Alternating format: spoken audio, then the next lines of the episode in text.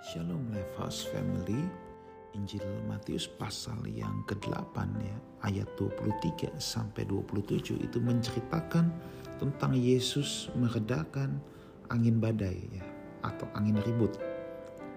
Dan pada saat itu kalau kita lihat uh, Yesus sedang tertidur di dalam perahu bersama murid-muridnya.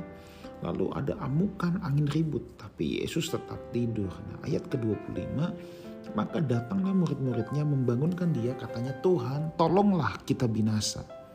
Ia berkata kepada mereka ayat yang ke-26 mengapa kamu takut kamu yang kurang percaya Lalu bangunlah Yesus menghardik angin dan danau itu, maka danau itu menjadi teduh sekali. Nah, saudara, kalau di bagian Injil yang lain atau tepatnya di Injil Markus itu ada kisah ini juga yang ditulis lebih lengkap di sana bahkan murid-murid bilang, "Apakah engkau tidak peduli kalau kita mati?" Nah, Saudara, di sini apa sih yang menjadi persoalan? Apakah Yesus marah karena murid-muridnya takut? Saudara, ketakutan itu adalah hal yang wajar. Ketakutan hal yang manusiawi. Manusia selama masih hidup pasti ada perasaan takut. Pasti, entah terhadap apa, pasti ada perasaan takut. Dan hal itu bukanlah dosa, saudara ya.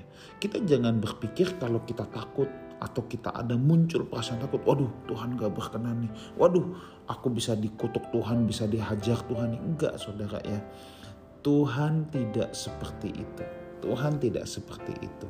Takut adalah hal yang normal, hal yang wajar. Tetapi akan menjadi tidak wajar atau tidak normal yang membuat Tuhan Yesus kesal di sini sama murid-muridnya adalah mereka dikuasai ketakutan. Nah, ini dua hal yang berbeda. Ketakutan itu bisa datang dalam hidup kita. Entah apa yang sedang kita hadapi, situasi berat apa yang kita hadapi. Namanya manusia bisa punya perasaan takut. Tetapi ini jadi masalah, ini menjadi tidak wajar kalau kemudian kita dikuasai oleh ketakutan itu. Nah, karena ketika kita dikuasai oleh ketakutan itu, sebenarnya kita sedang meragukan Tuhan, kita sedang tidak mempercayai Tuhan. It's okay, saudara takut. It's okay. Saya pun terkadang pasti ada hal-hal yang saya takutkan entah ini entah itu dan itu bukan tanda kita kurang percaya itu bukan tanda kita tidak berkenan di hadapan Tuhan kita kurang dekat sama Tuhan no Tuhan tahu persis namanya manusia itu bisa takut makanya ada 365 kali kata jangan takut dalam Alkitab ada orang yang berkata gini, kenapa 365? Karena satu tahun katanya ada 365 hari. Jadi satu hari ada satu kata jangan takut. Ya boleh sajalah orang mengartikan seperti demikian. Tetapi yang jelas memang ada sangat banyak di Alkitab kata jangan takut. Dan ketika seseorang dalam keadaan takut, itu bukan dosa. Itu tidak menyebabkan Tuhan murka.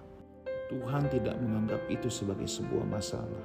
Menjadi masalah ketika kita dikuasai oleh ketakutan menjadi masalah ketika kita berpikir bahwa Tuhan tidak lagi in control. Tuhan lepas tangan, Tuhan lepas kendali. Nah, itu yang terjadi pada murid-muridnya sampai dia bilang, "Tuhan, tolonglah kita binasa." Loh, usia manusia itu siapa yang punya? Angin ribut yang punya atau Tuhan yang punya? Itu yang menjadi masalah. Ketika seseorang dikuasai ketakutan, maka dia sebenarnya sudah tanpa sadar berpikir bahwa Tuhan sudah tidak pegang kendali lagi. Tuhan sudah ada di luar sistem kehidupannya. Nah saudara, saya mau katakan bahwa Tuhan ada di dalam sistem kehidupanmu. Seluruh hidup kita ada dalam tangan Tuhan. Jangan takut kepada apa yang bisa membunuh tubuh dan jiwa, tetapi takutlah kepada Dia Tuhan yang bisa membinasakan baik tubuh, jiwa maupun roh.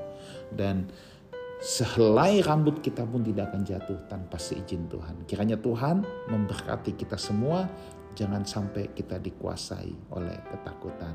God bless you all.